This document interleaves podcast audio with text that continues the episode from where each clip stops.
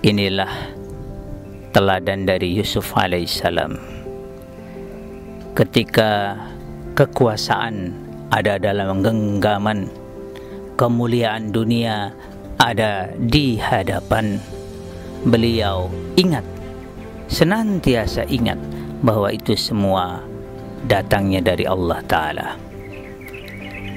Maka beliau berdoa kepada Allah taala Rabbi qad ataitani minal mulki wa 'allamtani min ta'wilil ahadith. Anta waliyyi fid dunya wal akhirah.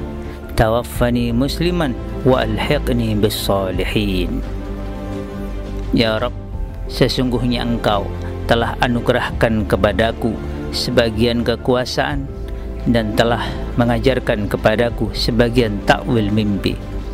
Wahai Rabb pencipta langit dan bumi, Engkaulah pelindungku di dunia dan di akhirat.